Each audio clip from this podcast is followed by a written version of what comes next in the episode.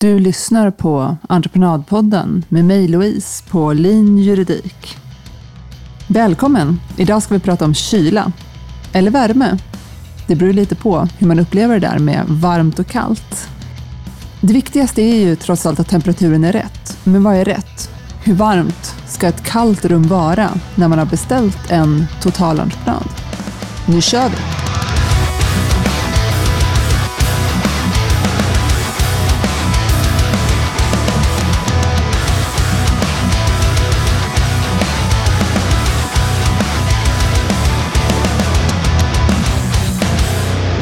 Först tänkte jag att jag ska nog presentera mig själv lite grann. Jag heter Louise Wibert och jag driver företaget Lean Juridik. Jag jobbar inom entreprenadrättens område. Jag är jurist och eh, nischad då inom entreprenadrätten. Jag har jobbat som entreprenadrättare i ska vi se, 2007 till 2019, 12 år alltså. Ganska länge. Och eh, nu tänkte jag att det är dags för mig att starta en podd. Frågan jag tänkte svara på idag, det handlar om en totalentreprenad, alltså en totalare. Och en totalare är ju någonting som jag möter ganska ofta med invändningen att ja, men du får ju ta höjd, det här är en totalare. Och då är ju frågan, hur mycket tar man höjd för? Jag menar i det här fallet med ett kylrum som skulle hålla en viss kylgrad. Hur mycket tar man höjd för i kylan för att kylan verkligen ska hålla det som är föreskrivet i handlingarna? Och jag tänker mig att vi ska prata lite om det här fallet och alltid när jag liksom babblar om någonting så i den här podden så kommer jag skala av vissa små detaljer och annat som kanske inte är relevant för det hela, för att det här var ett ganska stort och omfattande case. Men förutsättningen i det här avsnittet, det är att en kylentreprenör har räknat på ett jobb där det i förfrågningsunderlaget framgick att han skulle designa, projektera och bygga en kylanläggning till ett rum som en annan byggare hade byggt. Och, och rummet var liksom angivet väldigt fint med olika hur reglerna var och liksom isolering och sådär. Så att kylentreprenören hade någonting att utgå ifrån. Och sen skulle han designa en anläggning för att hålla en viss temperatur i det här rummet. Och det var angivet väldigt snyggt i det här förfrågningsunderlaget med ett visst gradantal som rummet skulle hålla ja, men dygnet runt hela tiden. Det skulle vara ett kylrum, inte kylskåpsrum, men ett, ett kylrum helt enkelt. Och eh, entreprenören han räknade på hela jobbet, han fick jobbet och han beställde aggregat och han började installera och han fixade och donade med, med liksom den här kylanläggningen. Och man gjorde också en eh, funktionsprovning när allting var installerat för att se att eh, kylan höll då den temperatur som var föreskriven. Och det gjorde den. Och man hade en slutbesiktning och allting godkändes. Och beställaren tar rummet i bruk. Och så efter en ja, tid, kanske ett par månader har jag för mig att det var, så ringer beställaren till entreprenören och säger Hörru du, kära entreprenör här. Ehm, det här rummet, det håller inte riktigt kylan. Jag, jag, tycker att dels har elräkningen bara stuckit iväg mycket mer än vad jag trodde. Och sen är det faktiskt så att det blir rätt varmt i rummet vissa dagar. Det, det funkar inte som vi har tänkt oss. Och entreprenören han blir ganska så fundersam. Han förstår inte alls. Vadå inte som, som det är tänkt? Det är ju precis som jag gjort. Så att, men han säger ingenting, han, han åker ut. Och så tittar han på anläggningen, han tar ut olika driftsrapporter och, och ser att beställaren har rätt. Kylan håller inte i rummet. Det skjuter faktiskt i höjden två gånger i veckan och, och blir väldigt mycket varmare i det här kylrummet än vad som var tänkt och vad liksom entreprenören hade designat rummet för. Så han förstår ingenting. Och han börjar liksom undersöka det här aggregatet. men aggregatet funkar som det ska. Och jag menar, temperaturen går ju också ner till föreskriven nivå efter en stund. Liksom ett par dagar har jag för mig det var, eller två dagar, eller en, en och en halv dag eller något sånt där. Eh, och entreprenören han går till sin beställare och så frågar han, men du, kära, beställare, eh, vad gör ni i det här rummet? Ja, sa beställaren, det är, det är ändå en totalare. Liksom. Jag menar, du har ju faktiskt haft ett ansvar. Han, han började liksom skruva lite på så här. Och då kan vi ju bara flika in nu det här med totalare och en totalentreprenad. Eh, jag vill göra det mellanspåret här, för att en totalentreprenad, där är ju grundtanken att beställaren ska föreskriva en funktion och så ska entreprenören projektera efter den här funktionen och sen bygga efter sin egen projektering. Det här är ju liksom den väsentliga skillnaden mellan en totalentreprenad och en utförande entreprenad. För utförande entreprenaden, då är tanken att beställaren redan har gjort en projektering och säger till entreprenören, det här vill jag att du utför åt mig. Det är den stora skillnaden.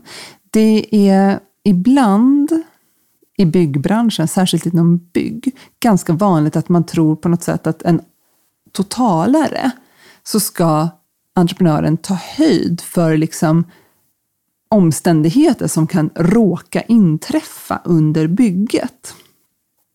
Och det är inte riktigt så en totalentreprenad är tänkt att fungera. Utan en totalentreprenad, då ska man som beställare kunna beskriva det man vill ha med funktionskrav. Och ett funktionskrav, det kan ju till exempel vara en eh, enhetsangivelse, som i det här fallet så sa man att ja, men det ska vara en viss grad Celsius i rummet med, med plus minus två graders avvikelse enligt skalan Celsius. Det är ett suveränt bra funktionskrav. Så att så långt så har ju beställaren gjort alla rätt i det här läget. Beställaren har verkligen gjort ett riktigt snyggt förfrågningsunderlag. Men vad var det som gick fel då? då? Ja, då var det nämligen så här att när entreprenören började fråga beställaren ordentligt, ja, men vad gör ni i det här rummet? Ja, till slut så, så beställaren liksom var ganska oförstående för de här frågorna, men till slut så säger beställaren så här, ja men det är ju ett mognadsrum, säger beställaren. Mognadsrum, svarar entreprenören. Vad är ett mognadsrum? Och jag vet inte om, om, ni som lyssnare förstår, för jag fattade faktiskt inte heller först. Mognadsrum, mognad, vad mognar i ett rum? Jo, men då visar det sig att det här är en beställare som är aktiv i, och, och jobbar i mejeribranschen och tar fram olika mejeriprodukter. Och den här beställaren tar bland annat fram messmör. Och tydligen under messmörets tillverkning så har messmöret en mognadsprocess när messmöret ja, mognar helt enkelt. Och jag, jag, jag jobbar inte med ribranschen så jag vet inte riktigt hur messmör mognar, men tydligen när det mognar så avger det väldigt mycket värme. Och i det här rummet så visar det sig att två gånger i veckan så stoppade beställaren in, håll i er nu, 10 ton messmör i det här rummet som skulle mogna. Och den här värmeutväxlingen av 10 ton messmör, det påverkade kylaggregatet så mycket att aggregatet som var designat för ett rum utan vetskapen om vad den här mognadsprocessen innebar klarade inte av att hålla kylan under den tiden som värmeutväxlingen var som absolut värst. Eller värst ska man väl inte säga, utan när, när värmeutväxlingen var som absolut liksom störst, när den var i sin peak av mognadsfasen, an, antar jag nu. För, för att jag som sagt, jag kan inte messmörsbranschen så mycket. Men eh, det var så det var i alla fall. Och när entreprenören sa att ja, men, ja, men kära hjärtanes beställare, varför, varför berättar du inte för mig att det här rummet skulle vara ett mognadsrum för mesför? Ja, men, och här någonstans ligger ju problematiken. Beställaren har från början vetat om det här, såklart, för att beställaren tänker sig, men jag behöver ett mognadsrum för mesmör och det måste hålla en viss kyla i det här rummet för att mognaden ska funka på optimalast sätt. För, för det kan jag också tänka mig med en sån här äh, mognadsprocess då i ett mesmör, att man måste ha en viss jämn konstant kyla, för då blir produkten som absolut bäst i slutändan. Och det var ju det beställaren hade tänkt sig. Men beställaren var ju väldigt liksom hemtam i sin egen miljö och hade glömt att redovisa den planerade användningen för det här rummet. Och nu har jag använt en del begrepp här. Jag har sagt totalentreprenad, jag har sagt planerad användning, jag har kommit med funktionskrav och så vidare. Och allt det här det härstammar ju ur ett standardavtal som heter ABT 06.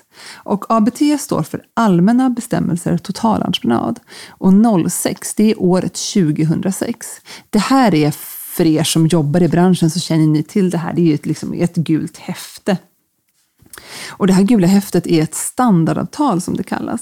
Och ett standardavtal, det är ju inte lag, utan ett standardavtal är helt enkelt färdigskrivna avtalsvillkor som är framtagna av branschen för branschen. Och totalentreprenaden är tänkt att beställaren står för funktionen av vad man vill ha. Och entreprenören ritar, designar, projekterar och sen bygger utifrån beställarens funktionskrav. Och det här med att beställa en totalentreprenad, det är inte alltid det lättaste som beställare. För att det låter ganska enkelt att man redovisar ett funktionskrav, men om man börjar tänka vad det liksom verkligen innebär och om vi nu tänker oss särskilt inom bygg, att beställa liksom en funktionsentreprenad, ponera att man ska renovera sitt kök till exempel. Ja, jag vill att köket ska klara av att man kan laga mat för sex personer och, och två barn under tio år. Det är ju ett rimligt funktionskrav, men det är väldigt svårt att bygga efter. Och även om man kan bygga efter så kanske det inte riktigt ser ut så som beställaren har tänkt sig. Beställaren vill nog gärna ha en hel del synpunkter på utseende, färger, materialval och annat. Och allt det här är ju tekniska lösningar som liksom drar i, det är ju motvikten till funktionskravet, den tekniska lösningen. Men i mitt exempel med kylan handlade ju om en totalentreprenad med ett jättebra fun liksom funktionskrav som var beskrivet. Och man ska också komma ihåg att den här beställaren var ju en kommersiell aktör, alltså en eh, kom en aktör inom näringslivet och inte en privatperson. Eh, det här med privatpersoner som beställer arbete, det är liksom en konsumententreprenad och det är någonting annat. För att inom konsumentskiktet så har vi en lagstiftning för en konsumenttjänstlag. Men det har vi inte riktigt inom näringslivet, utan då jobbar man med standardavtal istället. Och ett standardavtal behöver man avtala om varje gång. Ett standardavtal är inte en lag. En lag är någonting som skvalpar där i bakgrunden hela tiden och alltid är redo så att säga att plockas upp i varje given situation som man behöver det. Medan standardavtalet inte fungerar så på det sättet. Men i mitt fall då, med kylentreprenören, så blev ju frågan, vem ska stå för kylan? Vem ska stå för att bygga om det här kylaggregatet och, och kylen i det här rummet. Och eh, det blev beställaren. Eftersom parterna hade ju avtalat om ABT 06, det fanns i botten och det är jättebra, det ska man göra. Har man inget standardavtal, då kan, har man liksom inga regler som rör ätahantering, besiktning, självkostnad, ätarbete, alltså allt sånt. Det hanteras i ABT 06. I ABT 06 så finns det föreskrivet att beställaren ska redovisa sina funktionskrav, men det är inte riktigt hela hela, hela alltet som står i ABT 06, utan det står också att man ska även redovisa den planerade användningen. Och i det här fallet så hade ju beställaren missat att berätta att det här rummet skulle användas för mognad av messmör. Och det är inte riktigt säkert att det hade räckt att skriva, utan man får ju berätta vad innebär det att messmör mognar? Vilken värmeutväxling och hur många ton messmör ska ställas in i det här rummet? Vad, liksom, vad innebär det för entreprenörens projektering? Det behöver beställaren berätta. Så att i det här fallet så löste det sig jättebra, för när beställaren väl fattade att det här var ju inte självklart för entreprenören, och det är det ju inte. En entreprenör kan ju sitt eget skrå. I det här fallet så kunde ju entreprenören kyla väldigt, väldigt, väldigt bra, men inte mognadsprocessen för messmör. Så att beställaren och entreprenören kom bra överens i det här fallet och, och beställaren accepterade att betala för ombyggnationen av det här kylaggregatsanläggningen. Så att slutet gott, allting gott i det här fallet. Men det är en ganska bra, bra berättelse för att förstå hur en totalentreprenad fungerar. För som beställare är det, tror jag, ganska bekvämt att slänga på ett ABT 06 Medan man missar då kanske hur noga man behöver vara när man ska beskriva sin funktion. Så mitt råd till er, glöm inte att ge alla detaljer som den andra parten behöver veta när ni ska ingå ett avtal med varandra. Det här med kommunikation är ju verkligen A och O för att man ska få en riktigt lyckad entreprenad. Du har nu lyssnat på Entreprenadpodden med mig, Louise, på Lean Juridik. Har du en fråga eller någonting som du tycker passar som ämne i den här podden? Mejla mig på entreprenadpodden snabelalinjuridik.se Alltså entreprenadpodden snabelalinjuridik.se eller så kan du kika på min hemsida linjuridik.se för mer information. Men eh, till nästa gång hörni, ha det så fint! Hej hej!